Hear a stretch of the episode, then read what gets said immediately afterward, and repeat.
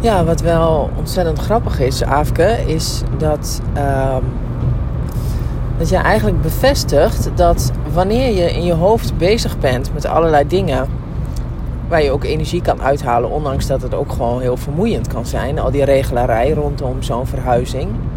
Maar dan is je hoofd heerlijk bezig met dingen waar hij goed in is, namelijk meten en vergelijken en nou, een beetje van dat soort klusjes. En dan is de neiging dus ook minder om uh, heel erg bezig te zijn met wat er in jou, um, in jouzelf aan andere gedachten allemaal rondzweeft. Want die komen, er is geen plek voor.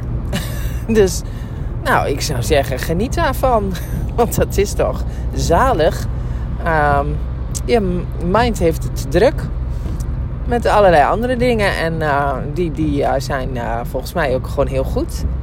Dus um, ja, en als er niks te braindumpen valt, dan valt er niks te braindumpen. Wij hebben daar uh, volgens mij ook uh, duidelijke afspraken over gemaakt. Dat wij niet weten wanneer er wel eens een keer wat komt en wanneer er niet eens een keer wat komt.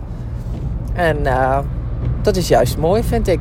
Dat is ook de reden waarom we dit ooit eens een keer samen hebben opgestart.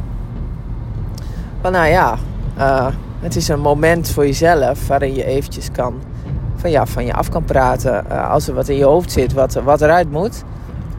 Um, en um, nou ja, als, het alleen maar gaat over de bestellingen bij de Hornbach, ja, daar zul je wel niet zoveel last van hebben. oh, heerlijk. Nee, um, nou, fantastisch toch? Ik, uh, ik vind het alleen maar fijn voor je. En ik moet zeggen dat ik dat uh, al een keer eerder uh, vandaag, heel toevallig, niets is toevallig, alles is synchroon. Maar uh, vandaag zat ik daar ook aan te denken van, ja, weet je, als je lekker bezig bent um, en gewoon aan het leven bent en, en in respons leeft, wat ik vanuit mijn ja, experiment natuurlijk ook gewoon doe, maar ook in relatie tot de training die ik aan het doen ben rondom Living Your Design en, en hoe, dat, eh, ja, hoe ik het ervaar. Dus veel meer om het vanuit observeren te doen dan alleen maar vanuit studeren. Um, ja, dat is, dan merk ik ook van ja, als ik gewoon lekker in respons leef en ik ben lekker bezig en ik doe mijn dingetje. En uh, nou, op het moment dat ik uh, zin heb, dan. En dat heb ik eigenlijk altijd. Want ik vind gewoon waanzinnig interessante materie, uh, alles rondom human design. Dus ik luister heel veel uh, naar, uh, nog steeds, elke dag, naar lectures van Ra, waar ik, um, ja, zeg maar van de founder van human design, waar ik een moment heb om dat even te kunnen doen. Ja, dan doe ik dat ook. Dus dan is mijn hoofd ook weer bezig met oh, daarna luisteren en dat verwerken en daar um, dat op te doen. Ik heb ontzettend. Onderzoekend brein. Dus uh, laat ik het zo zeggen. Uh, eigenlijk moet ik dat nog anders zeggen, want ik heb een onderzoekende mind. Dus uh, zeg maar, de, de psyche is onderzoekend, maar ik heb een uh, heel erg selectief brein van wat ik wel en wat ik niet wil onderzoeken. En uh, daar ben ik ook heel rigide in.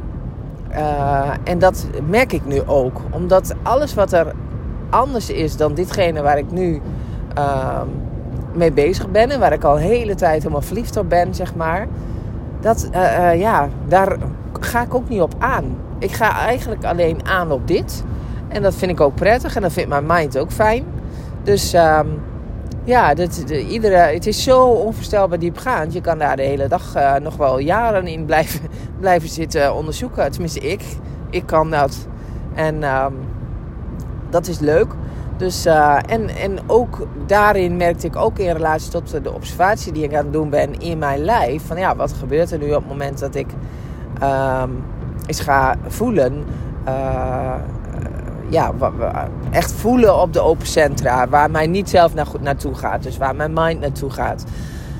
Wat gebeurt er dan en uh, hoe ziet het eruit? En uh, zonder daarin zeg maar heel erg te moeten handelen. Dan merk ik dat wel. Dat wanneer ik gewoon lekker bezig ben met iets, dan heb ik daar geen zeg maar last van. Dan, dan, dan is het niet iets wat mij bezighoudt in de zin van, oh nou zit ik helemaal op verkeerde spoor. Maar ik merk wel dat ik uh, bijvoorbeeld uh, in mijn onderbuik die adrenaline, die stress, dit stressstuk ehm, ik voel wel wanneer het wordt aangezet. En ik vind het heel fijn om dan ook te ervaren van ja, maar moet ik er nu wat mee? Moet ik hier dan vervolgens ook iets mee doen? En dat, dat stuk, daar bewust van worden van moet ik iets met deze, met deze stress die ik in mijn lijf voel, deze adrenaline die ik in mijn lijf voel nu, die niet van mij is, um, moet ik daar wat mee? En dat alleen is al gewoon verlichtend in die zin.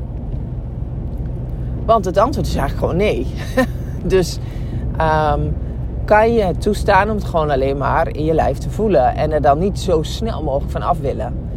Um, en dat is, daar maakt, het, uh, ja, daar maakt dit experiment heel erg interessant en leuk. En um, ja, waardoor ik ook gewoon veel uh, ja, veel meer bewustwording krijg op wanneer ik zeg maar in die adrenaline word gezet. En wanneer ik ook gewoon of die mentale stress heel erg voel. Van oh man, nou gaat er verschrikkelijk veel door mijn hoofd. En wat moet ik er allemaal mee? Ja, dat ik dat gewoon veel meer kan aanzien. Uh, en daar niks meer op hoe, ja, gewoon niets meer iets, iets op doe. Maar het gewoon observeer. En uh, me er bewust van word dat het er is. En that's it. En uh, ja, dat is wel uh, mooi om te ervaren. Ik, uh, ik, ik, ben natuurlijk uh, ik ben, voor een opdracht ingehuurd bij de politie. En dan moet ik nog wel eens naar zo'n grote zaal met mensen toe. want ze vergaderen ook veel bij de politie en waar niet. Dus ja, daar zijn ze echt niet anders in bij de politie. Maar ja, ik voel een enorm verschil met het nu gewoon observeren van adrenaline in mijn lijf. Van hé, hey, ik voel de adrenaline nu echt daadwerkelijk aanwezig. Maar ik hoef er niks mee. In plaats van, ik voel adrenaline. Oh, daar moet ik er zo snel mogelijk vanaf. Want dat is wel zo'n nagevoel. Blablabla. Nou, oeh, ik snel, snel, snel. En uh, wegwezen hier, want ik word hier helemaal gek. Weet je dat? ja, dat heb ik niet. En ik, had, uh, ik ben heel bewust aan het kijken naar van, is dit een plek? Hoe voel ik me op deze plek? Want dat is voor mij heel belangrijk. Voel ik me goed op een plek, dan ontmoet ik ook de juiste mensen. Voel ik me daar niet goed, ja, dan kan ik beter weggaan, want dan gaat ook alles mis. Uh, nou, dat is praktisch gezien niet altijd mogelijk in deze wereld. Want ja, als jij afspraken hebt voor je werk, dan kun je niet uh, automatisch zeggen. Tenminste, dat is voor mij nog een brug te ver. Uh, wie weet komt dat in mijn experiment wel. Op een gegeven moment dat ik gewoon echt zeg van ja, als het niet goed voor mij voelt, dan ben ik gewoon weg. Ehm maar dat is nog een brug te ver. Maar ik had vandaag ook niet zo'n gevoel van... ik voel mij niet lekker op mijn plek. Deze plek voelt voor mij niet goed. Dus dat scheelde. Dan hoef je er ook niet uh, uh, echt daadwerkelijk uh, iets mee. Want het voelde gewoon goed. Maar ja, die andere waarnemingen... die zijn echt ontzettend interessant. En, en mooi. En